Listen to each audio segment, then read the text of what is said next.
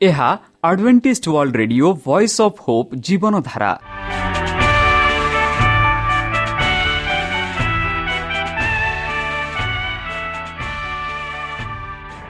Odia radio କାର୍ଯ୍ୟକ୍ରମ ଯାହା ଆମର ଆନ୍ତର୍ଜାତୀୟ ଆଘାତ କେନ୍ଦ୍ରରୁ ପ୍ରସାରଣ କରାଯାଉଛି ପ୍ରତିଦିନ ରାତି ନଅଟା ତିରିଶ ମିନିଟ୍ରେ। ମୁଁ ସୁବ୍ରତ କୁମାର ପତି ପ୍ରେମର ସହ ଆପଣମାନଙ୍କୁ ଏହି କାର୍ଯ୍ୟକ୍ରମକୁ ସ୍ୱାଗତ କରୁଅଛି। ଚାଲନ୍ତୁ ଆଜିର ତିରିଶ ମିନିଟ୍ର କାର୍ଯ୍ୟକ୍ରମ ବିଷୟରେ ଜାଣିନେବା। ପ୍ରଥମେ ରଖିଛୁ ଆଧ୍ୟାତ୍ମିକ ଭକ୍ତିମୟ ଗୀତ। ଏହାପରେ ଶୁଣିବା ସ୍ୱାସ୍ଥ୍ୟ ବିଷୟରେ ଯାହା ଆମର ଦୈନିକ ଜୀବନରେ ଅତ୍ୟନ୍ତ ଜରୁରୀ।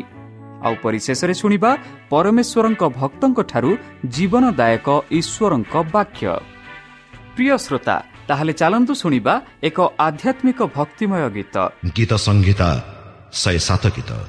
ତୁମ୍ଭେମାନେ ସଦାପ୍ରଭୁଙ୍କୁ ଧନ୍ୟବାଦ ଦିଅ। ତାହାଙ୍କର ସମସ୍ତ ଉତ୍ତମତା ନିମନ୍ତେ ତାହାଙ୍କୁ ଧନ୍ୟବାଦ ଦିଅ। ତାହାଙ୍କର ମହାନ ଉଦ୍ଧାରର କାର୍ଯ୍ୟ ନିମନ୍ତେ ତାହାଙ୍କର ପ୍ରଶଂସା କର।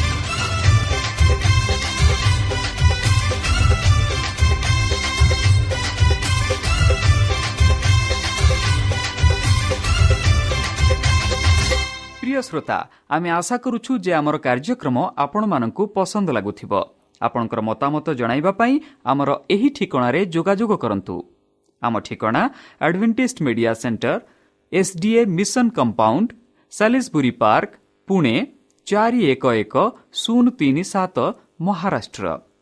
ବା ଖୋଲନ୍ତୁ ଆମର ୱେବସାଇଟ୍, ଯେକୌଣସି Android phone, smartphone, desktop, laptop କିମ୍ବା ଟ୍ୟାବ୍ଲେଟ୍। ଆମର website O R G slash O R I ଏବଂ W W W dot Adventist Media Centre India dot O R G ବର୍ତ୍ତମାନ ଚାଲନ୍ତୁ ଶୁଣିବା ଈଶ୍ୱରଙ୍କ ଜୀବନଦାୟକ ବାକ୍ୟ ନମସ୍କାର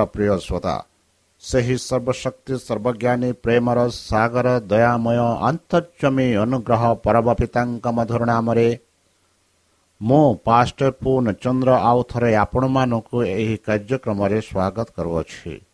ସେହି ସର୍ବଶକ୍ତି ପରମେଶ୍ୱର ଆପଣମାନଙ୍କୁ ଆଶୀର୍ବାଦ କରନ୍ତୁ। ଆପଣଙ୍କୁ ସମସ୍ତ ପ୍ରକାର ଦୁଃଖ କଷ୍ଟ ବାଧା କ୍ଲେଶ ଓ ରୋଗରୁ ଦୂରେଇ ରଖନ୍ତୁ। ଶତ୍ରୁ ସୟତାନ ହସ୍ତରୁ ସେ ସୁରକ୍ଷାରେ ରଖନ୍ତୁ। ବିଶେଷ ଭାବରେ ବର୍ତ୍ତମାନ ଯେଉଁ କରୋନା ମହାମାରୀ ସାରା ପୃଥିବୀକୁ ଆପଣା ପ୍ରଭାବ ଦେଖାଉଅଛି ସେହି ପ୍ରଭାବରୁ ସେହି ପରମେଶ୍ୱର ଆପଣମାନଙ୍କୁ ସୁରକ୍ଷାରେ ରଖନ୍ତୁ। ତାହାଙ୍କ ପ୍ରେମ ତାହାଙ୍କ ସ୍ନେହ ତାହାଙ୍କ କୃପା ତାହାଙ୍କ ଅନୁଗ୍ରହ ସଦାସର୍ବଦା ଆପଣଙ୍କଠାରେ ସହବର୍ତ୍ତୀ ରହୁ। ପ୍ରିୟସତା ଚାଲନ୍ତୁ। ଆଜି ଆମ୍ଭେମାନେ କିଛି ସମୟ ପବିତ୍ର ଶାସ୍ତ୍ର ବାଇବଲଠୁ ତାହାଙ୍କ ଜୀବନଦାୟକ ବାକ୍ୟ ଧ୍ୟାନ କରିବା। ଆଜିର ଆଲୋଚନା ହେଉଛି ଅଲିବ ପର୍ବତ ଉପରେ ଭାଗ ଦୁଇ। ଭାଗ ଏକ। ଗତକାଲି ଆମେ ଆଲୋଚନା କରିସାରିଛେ। ଯୀଶୁଖ୍ରୀଷ୍ଟ କିପରି ଏହି ପୃଥିବୀର ଶେଷ ଘଟଣାଗୁଡ଼ିକ ବିଷୟରେ ଆପଣା ଶିଷ୍ୟମାନଙ୍କୁ କହିଥିଲେ ତାହେଲେ ଚାଲନ୍ତୁ ଏହି ଭାଗ ଦୁଇ ଆମେ ଆଗକୁ ବଢ଼େଇବା। ଯେପରି ସେ ଘୋଷଣା କରିଛନ୍ତି ଯେ ଯେତେବେଳେ ସେ ଦ୍ୱାର ନିକଟରେ ମଧ୍ୟ ଆମେ ଜାଣିପାରିବା ନାହିଁ ବୋଲି। ସେମାନେ ଏହି ଚିହ୍ନଗୁଡ଼ିକ ଦେଖନ୍ତି ସେମାନଙ୍କ ବିଷୟରେ ସେ କୁହନ୍ତି ଯେପର୍ଯ୍ୟନ୍ତ ଏହି ସମସ୍ତ କାର୍ଯ୍ୟ ପୂରଣ ନ ହୁଏ ଏହିପରି ଅତିକ୍ରମ କରିବ ନାହିଁ। ଏହି ଚିହ୍ନଗୁଡ଼ିକ ଦେଖା ଦେଇଛି। ବର୍ତ୍ତମାନ ଆମେ ଏକ ନିଶ୍ଚିତ ବିଷୟରେ ଜାଣିଛୁ ଯେ ପ୍ରଭୁଙ୍କ ଆଗମନ ପାଖେଇ ଆସୁଅଛି। ସେ କୁହନ୍ତି ସ୍ୱର୍ଗ ପୃଥିବୀର ଲୋପ ପାଇବ କିନ୍ତୁ ମୋର ବାକ୍ୟ ଲୋପ ପାଇବ ନାହିଁ। ଖ୍ରୀଷ୍ଟ ମେଘ ଏବଂ ମହାନ ଗୌରବ ସହିତ ଆସୁଛନ୍ତି ବନ୍ଧୁ। ବହୁ ଉଜ୍ଜଳ ସ୍ୱର୍ଗଦୂତ ତାହାଙ୍କ ନିକଟକୁ ଆସିବେ। ସେ ମୃତ୍ୟୁମାନଙ୍କ ପୁନରୁତ୍ଥାନ କରିବାକୁ ଏବଂ ଜୀବନ୍ତ ସାଧୁମାନଙ୍କୁ ଗୌରବରୁ ଗୌରବକୁ ପରିବର୍ତ୍ତନ କରିବାକୁ ଆସିବେ। ଯେଉଁମାନେ ତାଙ୍କୁ ପ୍ରେମ କରୁଛନ୍ତି ଏବଂ ତାଙ୍କର ଜ୍ଞାନ ଆଜ୍ଞା ପାଳନ କରିଛନ୍ତି ଏବଂ ସେମାନଙ୍କୁ ନିଜ ନିକଟକୁ ନେବାକୁ ସେ ଆସୁଅଛନ୍ତି। ସେ ସେମାନଙ୍କୁ କିମ୍ବା ତାଙ୍କ ପ୍ରତିଜ୍ଞା ଭୁଲି ନାହାନ୍ତି। ପାରିବାରିକ ଶୃଙ୍ଖଳାର ପୁନଃଲିଙ୍କ ହେବ। ଯେତେବେଳେ ଆମେ ଆମର ମୃତ୍ୟୁମାନଙ୍କୁ ଦେଖିବା ଆମେ ସକାଳ ବିଷୟରେ ଚିନ୍ତା କରିପାରିବା। ଯେତେବେଳେ ଈଶ୍ୱରଙ୍କ ତୁରି ବାଜିବ ଯେତେବେଳେ ମୃତ୍ୟୁମାନେ ଅକ୍ଷୟ ଭାବରେ ପୁନରିତ ହେବେ ଏବଂ ଆମେ ଅପରିବର୍ତ୍ତିତ ହେବା। କରନ୍ତୀୟ ପ୍ରତି ପ୍ରଥମ ପୁତ୍ର ପତ୍ର ପନ୍ଦର ବାବନରେ ଏହିପରି କୁହାଯାଉଅଛି ବନ୍ଧୁ ଟିକିଏ ଅଧିକ ସମୟ ଏବଂ ଆମେ ରାଜାକୁ ତାଙ୍କ ସୌନ୍ଦର୍ଯ୍ୟରେ ଦେଖିବା। ଟିକିଏ ଅଧିକ ସମୟ ଏବଂ ଆମେ ଆମ ଆଖିରୁ ସମସ୍ତ ଲୁହ ପୋଛିଦେବେ। ଟିକିଏ ଅଧିକ ସମୟ ଏବଂ ସେ ଆମକୁ ଅଧ୍ୟତିକ ଆନନ୍ଦ ସହିତ ତାଙ୍କ ଗୌରବ ଉପସ୍ଥିତି ପୂର୍ବରୁ ନିଖୁଣ ଉପସ୍ଥାପନ କରିବେ। ଏହିପରି ଜୁହୁଦା ଚବିଶରେ ସ୍ପଷ୍ଟ ରୂପେ ବର୍ଣ୍ଣନା କରି କହୁଅଛି। ବନ୍ଧୁ ସେଥିପାଇଁ କିନ୍ତୁ ତାଙ୍କ ଆସିବାର ଖ୍ରୀଷ୍ଟଙ୍କ ଦିନ ଏବଂ ଘଣ୍ଟା ପ୍ରକାଶିତ ହୋଇନାହିଁ ସେ ଆସିବେ ନିଶ୍ଚିତ ଆସିବେ। ସେ ନିଜ ଶିଷ୍ୟମାନଙ୍କୁ ସ୍ପଷ୍ଟ ଭାବରେ କହିଥିଲେ ଯେ ସେ ନିଜେ ତାଙ୍କର ଦାୟିତ୍ୱ ଦ୍ୱିତୀୟ ଦେଖାଯିବାର ଦିନ କିମ୍ବା ଘଣ୍ଟା ସମୟ ଜାଣିପାରେ ଜାଣିପାରିଲେ ନାହିଁ। ଯଦି ସେ ଏହା ପ୍ରକାଶ କରିବାକୁ ସ୍ୱାଧୀନତା ପାଇଥାନ୍ତେ ତେବେ ନିରନ୍ତର ଆଶାର ମନୋଭାବ ବଜାଇ ରଖିବା ପାଇଁ ସେମାନଙ୍କୁ କହିଛି କାହିଁକି ଅନୁରୋଧ କରିଛନ୍ତି? ସେଠାରେ ଅଛନ୍ତି ସେମାନେ ଆମ ପ୍ରଭୁଙ୍କ ଆବିର୍ଭାବ ହେବାର ଦିନ ଏବଂ ଘଣ୍ଟା ଜାଣିବାକୁ ଦାବି କରନ୍ତି। ଅତି ଦୃଢ଼ ବାହାର ମ୍ୟାପିଂରେ ସେମାନେ ଅଛନ୍ତି। ଭବିଷ୍ୟତ କିନ୍ତୁ ପ୍ରଭୁ ସେମାନଙ୍କୁ ଦଖଲ କରିବା ଭୂମିରୁ ଚେତାବନୀ ଦେଇଛନ୍ତି। ମଣିଷ ପୁତ୍ରଙ୍କ ଦ୍ୱିତୀୟ ଆସିବାର ପ୍ରକୃତ ସମୟ ହେଉଛି ଈଶ୍ୱରଙ୍କ ରହସ୍ୟ। ପୃଷ୍ଠ ତାଙ୍କ ଆଗମନରେ ଜଗତର ସ୍ଥିତିକୁ ସୂଚାଇ ଜାରି ରଖିଛନ୍ତି ବନ୍ଧୁ। ନହଙ୍କ ସମୟ ଯେପରି ଥିଲା ମଣିଷ ପୁତ୍ରଙ୍କ ଆଗମନ ମଧ୍ୟ ସେହିପରି ହେବ। କାରଣ ବନ୍ୟା ପୂର୍ବରୁ ଯେଉଁ ଦିନ ସେମାନେ ଖାଉଥିଲେ ଓ ପିଉଥିଲେ ଯେଉଁ ଦିନ ନହା ନହ ଜାହାଜରେ ପ୍ରବେଶ କରିଥିଲେ ବନ୍ୟା ଆସିବା ପର୍ଯ୍ୟନ୍ତ ସେ ଜାଣିନଥିଲେ। ଏବଂ ସମସ୍ତଙ୍କୁ ନେଇଗଲେ ମଣିଷ ପୁତ୍ରଙ୍କ ଆଗମନ ମଧ୍ୟ ସେହିପରି ଘଟିବ। ପୃଷ୍ଠ ଏଠାରେ ଏକ ସାମୟିକ ସହସ୍ର ସହସ୍ର ବର୍ଷକୁ ଆଣନ୍ତି ନାହିଁ। ଏକ ହଜାର ବର୍ଷ ଯେଉଁଥିରେ ସମୟ ଅନନ୍ତକାଳ ପାଇଁ ପ୍ରସ୍ତୁତ ହେବ ସେ ଆମକୁ କୁହନ୍ତି ଯେ ନହଙ୍କ ସମୟରେ ଯେପରି ଥିଲା ମଣିଷ ପୁତ୍ରଙ୍କ ପୁନର୍ବାର ଆସିବା ସମୟ ସେହିପରି ଥିବ ବୋଲି କହୁଅଛନ୍ତି। ଈଶ୍ୱର ଦେଖିଲେ ଯେ ପୃଥିବୀରେ ମନୁଷ୍ୟର ଦୃଷ୍ଟତା ବହୁତ ବଡ଼ ଏବଂ ତାଙ୍କ ହୃଦୟର ଚିନ୍ତାଧାରା ପ୍ରତ୍ୟେକ କଳ୍ପନା କେବଳ ମନ୍ଦ ଅଟେ ଏହିପରି ଆଦି ପୁସ୍ତକରେ ଆମେ ପାଉଅଛୁ ଆଦି ଛଅ ସାତ ଆଠ ଯଦି ପଢ଼ିବା ଏହା ସ୍ପଷ୍ଟରେ ମାନେ କହୁଅଛୁ ଅଣ୍ଟିଲୋବିୟନ ଜଗତର ବାସିନ୍ଦାମାନେ ତାଙ୍କର ପବିତ୍ର ଇଚ୍ଛା କରିବାକୁ ମନା କରି ଜୁହୁଦ ଜେହୋବାଙ୍କ ଠାରୁ ବିମୁଖ ହୋଇଥିଲେ ସେମାନେ ସେମାନଙ୍କ ନିଜର ଅଶୁଦ୍ଧ କଳ୍ପନା ଏବଂ ବିକୃତ ଧାରଣା ଅନୁସରଣ କଲେ। ସେମାନଙ୍କ ଦୃଷ୍ଟତା ହେତୁ ସେମାନେ ବିନଷ୍ଟ ହେଲେ ଏବଂ ଆଜି ଜଗତ ମଧ୍ୟ ସେହି ପଥ ଅନୁସରଣ କରୁଅଛି। ଏହା ସମଗ୍ର ଗୌରବ କୌଣସି ଚମତ୍କାର ଚିହ୍ନ ଉପସ୍ଥାପନା କରେ ନାହିଁ। ଈଶ୍ୱରଙ୍କ ନିୟମର ଉଲ୍ଲଙ୍ଘନକାରୀମାନେ ପୃଥିବୀକୁ ଦୁଷ୍ଟାତାରେ ପରିପୂର୍ଣ୍ଣ କରୁଛନ୍ତି। ସେମାନଙ୍କ ବ୍ୟାଟିଂ ଘୋଡ଼ା ଦୃଢ଼ ଜୁଆ ଖେଳ ବିସର୍ଜନ ସେମାନଙ୍କ ଲୋଭନୀୟ ଅଭ୍ୟାସ ସେମାନଙ୍କ ଅବିସ୍ମରଣୀୟ ଆବେଗ ଶୀଘ୍ର ହିଂସା ସହିତ ବିଶ୍ୱାସକୁ ପରିପୂର୍ଣ୍ଣ କରୁଛି। ଜେରୁସାଲାମର ବିନାଶ ଭବିଷ୍ୟତବାଣୀ ଖ୍ରୀଷ୍ଟ କହିଛନ୍ତି କାରଣ ଅଧର୍ମ ବଢ଼ିବ ଅନେକ ପ୍ରେମ ଥଣ୍ଡା ହୋଇଯିବ କିନ୍ତୁ ଯିଏ ଶେଷ ପର୍ଯ୍ୟନ୍ତ ସହିବ ସେ ଉଦ୍ଧାର ପାଇବ। ଆଉ ଏହି ରାଜ୍ୟର ସୁସମାଚାର ପ୍ରଚାର କରାଯିବା ସମସ୍ତ ଜାତି ସାକ୍ଷୀ ପାଇଁ ଜଗତ ଏବଂ ଶେଷ ହେବ ବୋଲି ପବିତ୍ର ଶାସ୍ତ୍ରରେ ଆମେ ପାଉଅଛୁ। ଏହି ଭବିଷ୍ୟତବାଣୀ ପୁନର୍ବାର ପୂର୍ଣ୍ଣ ହେବ ବନ୍ଧୁ। ଏହି ଦିନର ଅପରାଗତ ଏହି ପିଢ଼ିରେ ଏହାର ପ୍ରତିପକ୍ଷ ପାଇଥାଏ। ତେଣୁ ସୁସମାଚାର ପ୍ରଚାର ସମ୍ବନ୍ଧରେ ଭବିଷ୍ୟତବାଣୀ ସହିତ ଜେରୁସାଲାମର ପତନ ପୂର୍ବରୁ ପାଳନ ପବିତ୍ର ଆତ୍ମାଙ୍କ ଦ୍ୱାରା ଲେଖିଥିଲେ ଯେ ସ୍ୱର୍ଗ ତଳେ ଥିବା ପ୍ରତ୍ୟେକ ପ୍ରାଣୀକୁ ସୁସମାଚାର ପ୍ରଚାର କରାଯାଇଥିଲା। ପଢ଼ନ୍ତୁ କଲସିୟ ତେଇଶ ବାଇଶ। ଅତ ଏବେ ମନୁଷ୍ୟ ପୁତ୍ରଙ୍କ ଆଗମନ ପୂର୍ବରୁ ଅନନ୍ତ ସୁସମାଚାର ପ୍ରତ୍ୟେକ ଜାତି ସମ୍ପର୍କୀୟ ଭାଷା ଏବଂ ଲୋକମାନଙ୍କୁ ପ୍ରଚାର କରାଯିବ। ଏହିପରି ପ୍ରକାଶିତ ବାକ୍ୟ ଚଉଦ ଛଅରେ ଆମେ ପାଉଛୁ ସାତ ଆଠ ସ୍ୱର ଗୋଟିଏ ଦିନ ସ୍ଥିର କରିଛନ୍ତି। ଯେଉଁଥିରେ ସେ ଜଗତର ବିଚାର କରିବେ ବନ୍ଧୁ ପ୍ରେରିତମାନଙ୍କ କାର୍ଯ୍ୟର ପ୍ରେରିତ ସତର ଏକତିରିଶ ଆମେ ପାଉଅଛୁ। ଖ୍ରୀଷ୍ଟ ଆମକୁ କୁହନ୍ତି ସେ ସେହି ଦିନ କେବେ ଗ୍ରହଣ କରାଯିବ? ସେ କହିନାହାନ୍ତି ଯେ ସମଗ୍ର ବିଶ୍ୱ ପରିବର୍ତ୍ତନ ହେବ କିନ୍ତୁ ଏହି ରାଜ୍ୟର ଏହି ସୁସମାଚାର ସମସ୍ତ ଜଗତରେ ସାକ୍ଷୀ ପାଇଁ ସମଗ୍ର ବିଶ୍ୱରେ ପ୍ରଚାର କରାଯିବ। ଏବଂ ତାପରେ ଶେଷ ହେବ ବୋଲି ସେ କହିଛନ୍ତି। ଜଗତକୁ ସୁସମାଚାର ଦେବା ଦ୍ୱାରା ଆମର ପ୍ରଭୁଙ୍କ ପ୍ରତ୍ୟାବର୍ତ୍ତନକୁ ତ୍ୱରାନ୍ୱିତ କରିବା ଆମର ଶକ୍ତିର ଅଛି। ଶକ୍ତିରେ ଅଛି। ଆମେ କେବଳ ଖୋଜିବାକୁ ନୁହେଁ ବରଂ ଈଶ୍ୱରଙ୍କ ଦିନର ଆଗମନକୁ ତ୍ୱରାନ୍ୱିତ କରିବା ଅଚେତ। ଯେପରି ଦ୍ୱିତୀୟ ପିତର ତିନି ବାରରେ ଆମେ ପାଉଛୁ ଜଗତକୁ ସୁସମାଚାର ଦେବା ଦ୍ୱାରା ଆମର ପ୍ରଭୁଙ୍କ ପ୍ରତ୍ୟାବର୍ତ୍ତନକୁ ତୁରନ୍ତ କରିବା ଆରମ୍ଭର ଶକ୍ତି ଅଛି ବୋଲି ଆମେ କେବଳ ଖୋଜିବାକୁ ନୁହେଁ ବରଂ ଈଶ୍ୱରଙ୍କ ଦିନରେ ଆଗମନକୁ ତ୍ୱରାନ୍ୱିତ କରିବା ଦ୍ୱିତୀୟ ପିତର ତିନି ବାର। ବନ୍ଧୁ ସେ ଆସିବାର ସଂକେତ ଦେବା ପରେ ଖ୍ରୀଷ୍ଟ କହିଥିଲେ ଯେତେବେଳେ ତୁମେ ଏହି ସବୁ ଘଟଣା ଘଟିବ ସେତେବେଳେ ଜାଣ ଯେ ଈଶ୍ୱରଙ୍କ ରାଜ୍ୟ ନିକଟରେ ହୋଇଅଛି ସାବଧାନ ରୁହ। ଦେଖ ଏବଂ ପ୍ରାର୍ଥନା କର ବୋଲି ସେ କୁହନ୍ତି। ଈଶ୍ୱର ସର୍ବଦା ମଣିଷକୁ ଆସୁଥିବା ବିଚାର ବିଷୟରେ ଚେତାବନୀ ଦେଇଛନ୍ତି ବନ୍ଧୁ। ଯେଉଁମାନେ ତାଙ୍କ ସମୟରେ ପାଇଁ ତାଙ୍କ ବାର୍ତ୍ତାରେ ବିଶ୍ୱାସ କରୁଥିଲେ ଏବଂ ସେ ସେମାନେ ତାଙ୍କ ଆଦେଶ ପାଳନ କରି ସେମାନଙ୍କ ବିଶ୍ୱାସ ପ୍ରଦର୍ଶନ କରିଥିଲେ। ସେମାନେ ଅବାଧ୍ୟ ତଥା ବିଶ୍ୱାସୀମାନଙ୍କ ଉପରେ ପଡ଼ିଥିବା ବିଚାରରୁ ରକ୍ଷା ପାଇଲେ। ନହଙ୍କ ନିକଟକୁ ଏହି ବାକ୍ୟ ଆସିଥିଲା ତୁମର ସମସ୍ତ ଗୃହ ଜାହାଜକୁ ଆସ। କାରଣ ମୁଁ ତୁମ ସମ୍ମୁଖରେ ଧାର୍ମିକ ଦେଖିଲି ନୁହ ମାନିଲେ ଏବଂ ଉଦ୍ଧାର ପାଇଲେ। ଲୋଟକୁ ବାର୍ତ୍ତା ଆସିଲା ଉଠ ତୁମକୁ ଏହି ସ୍ଥାନରୁ ବାହାର କର କାରଣ ପ୍ରଭୁ ଏହି ନଗରକୁ ଧ୍ୱଂସ କରିବେ।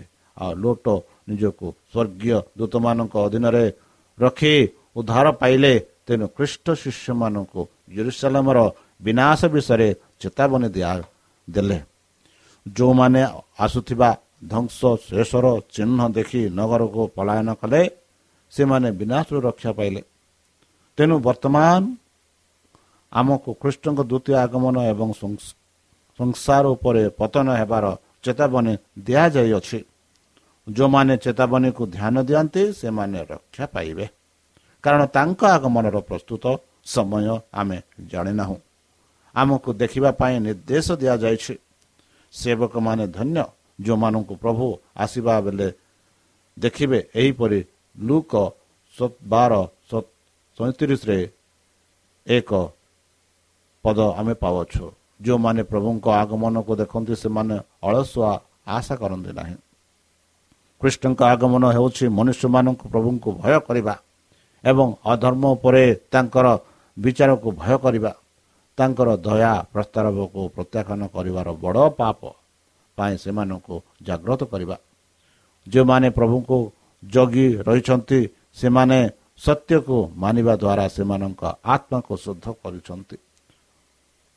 ସୁଯାଗ ଦେଖିବା ସହିତ ସେମାନେ ଆନ୍ତରିକ କାର୍ଯ୍ୟକୁ ଏକତ୍ରିତ କରନ୍ତି କାରଣ ସେମାନେ ଜାଣନ୍ତି ଯେ ପ୍ରଭୁ ଦ୍ୱାରରେ ଅଛନ୍ତି ବନ୍ଧୁ ସେମାନଙ୍କ ଉତ୍ସାହ ପ୍ରାଣର ପରିତ୍ରାଣ ପାଇଁ କାର୍ଯ୍ୟ କରିବାରେ ଈଶ୍ୱରୀୟ ବୁଦ୍ଧିଜୀବୀମାନେ ସହଯୋଗ କରିବାର ତ୍ୱରାନ୍ୱିତ ହୁଏ।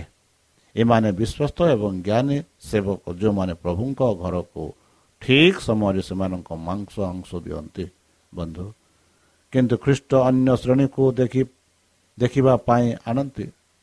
ଯଦି ସେହି ମନ୍ଦ ସେବକ ନିଜ ହୃଦୟରେ କହିବ ମୋର ପ୍ରଭୁ ତାଙ୍କ ଆସିବାରେ ବିଳମ୍ବ କରନ୍ତି ଏବଂ ସେ ତାଙ୍କ- ତାଙ୍କର ଅନ୍ୟ ଲୋକ ସେବକମାନଙ୍କୁ ମାରିବା ଆରମ୍ଭ କରନ୍ତି ଏବଂ ମନ୍ଦ ବ୍ୟବହାର କରନ୍ତି ଆଉ ମଦ୍ୟପାନ ସହିତ ଖାଇବା ପିଇବା ଆରମ୍ଭ କରିବେ ସେ ଦାସର ପ୍ରଭୁ ଆସିବେ ଯେଉଁଦିନ ସେ ତାହାକୁ ଖୋଜିବ ନାହିଁ। ବନ୍ଧୁ ଦୁଷ୍ଟ ସେବକ ହୃଦୟରେ କୁହନ୍ତି ମୋର ପ୍ରଭୁ ତାଙ୍କ ଆସିବାର ବିଳମ୍ବ କରନ୍ତି। ସେ କୁହନ୍ତି ନାହିଁ ଯେ ଖ୍ରୀଷ୍ଟ ଆସିବେ ନାହିଁ। ତାଙ୍କର ଦ୍ୱିତୀୟ ଆସିବାର କଳ୍ପନାକୁ ସେ ପରିହାସ କରନ୍ତି ନାହିଁ।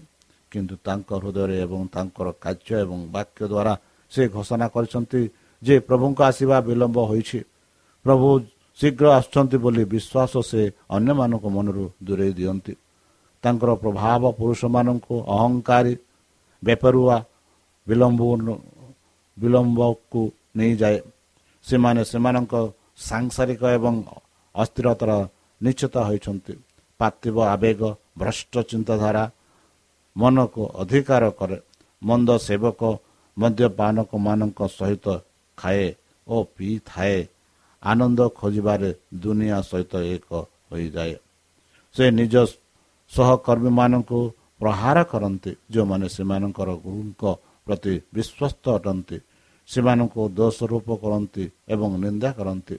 ସେ ଜଗତ ସହିତ ମିଶ୍ରଣ ମିଶନ୍ତି ଯେପରି ଅପରାଧ ପରି ବଢ଼େ। ଏହା ଏକ ଭୟଙ୍କର ଅସ୍ପୀନ ଥିଲା। ଦୁନିଆ ସହିତ ତାଙ୍କ ଫାନ୍ଦରେ ନିଆଯାଏ ସେବକଙ୍କର ପ୍ରଭୁ ଆସିବେ। ଏକ ଘଣ୍ଟା ମଧ୍ୟରେ ସେ ଜାଣିନାହାନ୍ତି ଏବଂ ତାଙ୍କୁ ଅଲଗା କରି କପଟିମାନଙ୍କ ସହିତ ତାଙ୍କର ଅଂଶ ନିଯୁକ୍ତ କରିବେ। ଅତଏବ ଯଦି ତୁମେ ଦେଖିବ ନାହିଁ ମୁଁ ଚୋର ପରି ଆପଣଙ୍କ ନିକଟକୁ ଆସିବି ଏବଂ ମୁଁ ଜାଣିବି ନାହିଁ ମୁଁ କେଉଁ ଘଣ୍ଟା ଆପଣଙ୍କ ଉପରେ ଆସିବି। ଏହିପରି ପ୍ରକାଶିତ ବାକ୍ୟରେ କୁହାଯାଉଛି। ପ୍ରକାଶିତ ତିନି ଏଗାର। ଖ୍ରୀଷ୍ଟଙ୍କ ଆଗମନ ମିଥ୍ୟା ଶିକ୍ଷକମାନଙ୍କ ଆଚର୍ଯ୍ୟ କରିବ। ସେମାନେ କହୁଛନ୍ତି ଶାନ୍ତି ଓ ନିରାପଦ ଜେରୁସାଲମର ପତନ ପୂର୍ବରୁ ପୁରୋହିତ ଏବଂ ଶିକ୍ଷକମାନଙ୍କ ପରି ସେମାନେ ପାର୍ଥିବ ସମୃଦ୍ଧତା ଏବଂ ଗୌରବ ଉପଭୋଗ କରିବାକୁ ଚର୍ଚ୍ଚ ଖୋଜନ୍ତି। ସମୟ ଚିହ୍ନ ଗୁଡ଼ିକ ସେମାନେ ଏହାର ପ୍ରତୀକ ଭାବରେ ବ୍ୟାଖ୍ୟା କରନ୍ତି। କିନ୍ତୁ ପ୍ରେରଣା ବାକ୍ୟ କ'ଣ କହୁଛି? ହଠାତ୍ ବିନାଶ ସେମାନଙ୍କ ଉପରେ ଆସେ। ଯେଉଁମାନେ ସମଗ୍ର ପୃଥିବୀ ଉପରେ ବାସ କରନ୍ତି ସେମାନେ ଏହି ଜଗତକୁ ସେମାନଙ୍କର ଗୃହ କହନ୍ତି ସେମାନେ ଉପରେ ଈଶ୍ୱରଙ୍କ ଦିନ ଏକ ଫାନ୍ଦ ପରି ଆସିବ। ଏହା ସେମାନଙ୍କ ପାଇଁ ଏକ ଚୋର ପରି ଆସେ। ବନ୍ଧୁ ଲୋକମାନେ ପ୍ରଭୁଙ୍କ ଆଗମନ ଠାରୁ ବହୁ ଦୂରେଇ ଅଛନ୍ତି। ସେମାନେ ଚେତାବନୀରେ ହସନ୍ତି ଗର୍ଭ ଗର୍ଭ କରାଯାଏ। ସବୁ ଜିନିଷ ଆରମ୍ଭରୁ ଯେପରି ଚାଲିଛି। ଆସନ୍ତାକାଲି ଏହି ଦିନ ଭଳି ହେବ ଏବଂ ଅଧିକ ପ୍ରଚୁର ହେବ ବୋଲି ସେ କହନ୍ତି। ଆମେ ଆନନ୍ଦ ପ୍ରେମକୁ ଗଭୀର କରିବା ଅଛି। କିନ୍ତୁ ଖ୍ରୀଷ୍ଟ କୁହନ୍ତି ଦେଖ ମୁଁ ଚୋର ପରି ଆସିଛି। ପ୍ରକାଶିତ ବାକ୍ୟ ଷୋହଳ ପନ୍ଦରରେ କୁହାଯାଉଛି ସେହି ସମୟରେ ଯେତେବେଳେ ଦୁନିଆ ଅପମାନିତ ଭାବରେ ପଚାରୁଛି ତାଙ୍କ ଆସିବାର ପ୍ରତିଜ୍ଞା କେଉଁଠାରେ ଅଛି? ଚିହ୍ନ ଗୁଡ଼ିକ ପୂରଣ ହେଉଛି। ସେମାନେ ଶାନ୍ତି ଏବଂ ନିରାପଦ ବୋଲି କାନ୍ଦୁଥିବା ବେଳେ ହଠାତ୍ ବିନାଶ ଆସୁଛି। ବନ୍ଧୁ ସମୟର ଲକ୍ଷଣ ଅଶୁଭ ଅଟେ। ଆସୁଥିବା ଘଟଣା ଗୁଡ଼ିକ ପୂର୍ବରୁ ସେମାନଙ୍କ ଛାୟା ପକାଇଥାଏ। ଈଶ୍ୱରଙ୍କ ଆତ୍ମା ପୃଥିବୀରୁ ଦୂରେଇ ଯାଉଛନ୍ତି ଏବଂ ସମୁଦ୍ର ସ୍ଥଳ ଭାଗରେ ବିପଦ ଆସେ।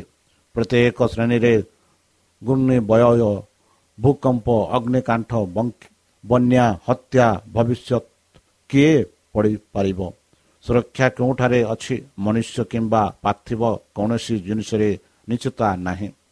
ଦ୍ରୁତ ଗତିରେ ପୁରୁଷମାନେ ବାଞ୍ଚିଥିବା ବନ୍ୟାରେ ନିଜକୁ ବାନ୍ଧି ରଖିଛନ୍ତି। ଅସ୍ଥିର ଭାବରେ ସେମାନେ ନିଜ ନେତାଙ୍କ ଗତିବିଧିଙ୍କୁ ଅପେକ୍ଷା କରୁଛନ୍ତି। ସେଠାରେ ଅଛନ୍ତି ଯେଉଁମାନେ ଆମ ପ୍ରଭୁଙ୍କ ଆବିର୍ଭାବ ପାଇଁ ଅପେକ୍ଷା କରି ଦେଖୁଛନ୍ତି ଏବଂ କାର୍ଯ୍ୟ କରୁଛନ୍ତି। ଅନ୍ୟ ଏକ ଶ୍ରେଣୀ ପ୍ରଥମ ମହାନ ବିଦ୍ରୋହୀଙ୍କ ସାଧାରଣ ଧନୀ ଅଧୀନରେ ଧାଡ଼ିରେ ପଡ଼ିଛନ୍ତି ଖୁବ୍ କମ୍ ଲୋକ ହୃଦୟ ଏବଂ ଆତ୍ମା ସହିତ ବିଶ୍ୱାସ କରନ୍ତି। ସେ ଆମକୁ ନର୍କ ଏବଂ ଜତିବାକୁ ଜିତିବାକୁ ସ୍ୱର୍ଗ ଅଛି। ସଙ୍କଟ ଧୀରେ ଧୀରେ ଆମ ଉପରେ ଚୋରି କରୁଛି।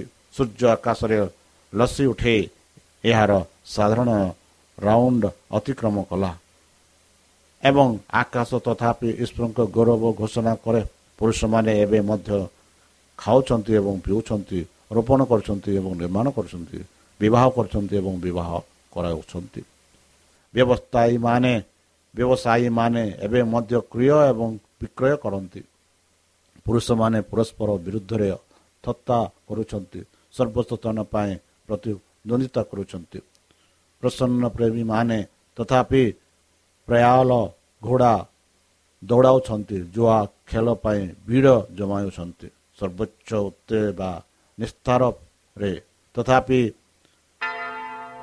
ପ୍ରବେଶନର ଘଣ୍ଟା ଶୀଘ୍ର ବନ୍ଦ ହେଉଛି ଏବଂ ପ୍ରତ୍ୟେକ ମାମଲା ଅନନ୍ତକାଳୀନ ନିଷ୍ପତ୍ତି ନିଷ୍ପତ୍ତି ନେବାକୁ ଯାଉଛି।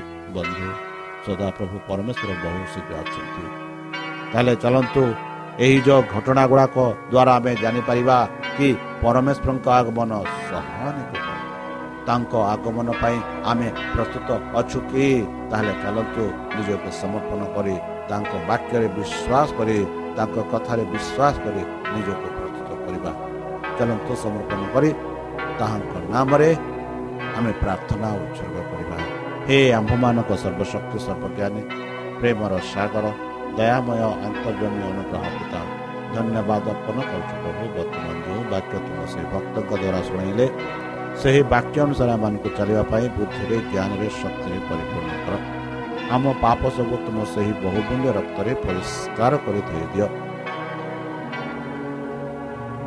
ବର୍ତ୍ତମାନ ଯେଉଁ ସମୟରେ ଆମେ ବାସ କରୁଅଛୁ ସେହି ସମୟ ହେଉଛି କରୁଣା ମହାମାରୀ ସମୟ ଏହି କରୁଣାରୁ ଆମମାନଙ୍କୁ ସୁରକ୍ଷାରେ ରଖ ଆଉ ପରିଶେଷ ଯେବେ ତୁମେ ତୁମ ସେହି ସହସ୍ରଦୂତଙ୍କ ସହ ଆପଣ ସାଧୁମାନଙ୍କୁ ସଂଗ୍ରହ ନିମନ୍ତେ ଆସିବେ ସେତେବେଳେ ଏମାନଙ୍କୁ ଏକ ବାସ ସ୍ଥାନ ଦିଅ ବୋଲି ତ୍ରାଣକର୍ତ୍ତା ପ୍ରଭୁ ଯୀଶୁଙ୍କ ମଧୁରମୟ ନାମରେ ଏହି ଛୋଟ ଭିକ୍ଷା ମାଗୁଛୁ ଶୁଣି ଗ୍ରହଣ କର ଆମେନ୍ ଗୀତ ସଂହିତା ଅଣଚାଶ ଗୀତ ହେ ବିଶ୍ୱବାସୀ ମନ ଦେଇ ଶୁଣ ଧନୀ ବା ଦରିଦ୍ର ମହାନ କିମ୍ବା ନଗଣ୍ୟ ସମସ୍ତେ କର୍ଣ୍ଣପାତ କର ଧନୀକୁ ଆପଣା ଧନ କିମ୍ବା ଜ୍ଞାନୀକୁ ଆପଣା ଜ୍ଞାନ ଚିରକାଳ ବଞ୍ଚାଇ ରଖିପାରେ ନାହିଁ।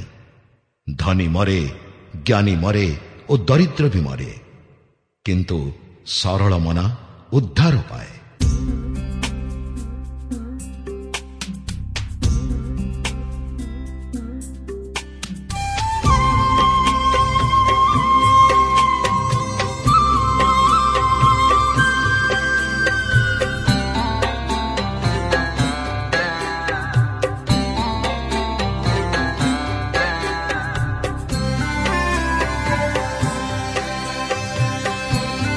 ପ୍ରିୟ ଶ୍ରୋତା ଆମେ ଆଶା କରୁଛୁ ଯେ ଆମର କାର୍ଯ୍ୟକ୍ରମ ଆପଣମାନଙ୍କୁ ପସନ୍ଦ ଲାଗୁଥିବ।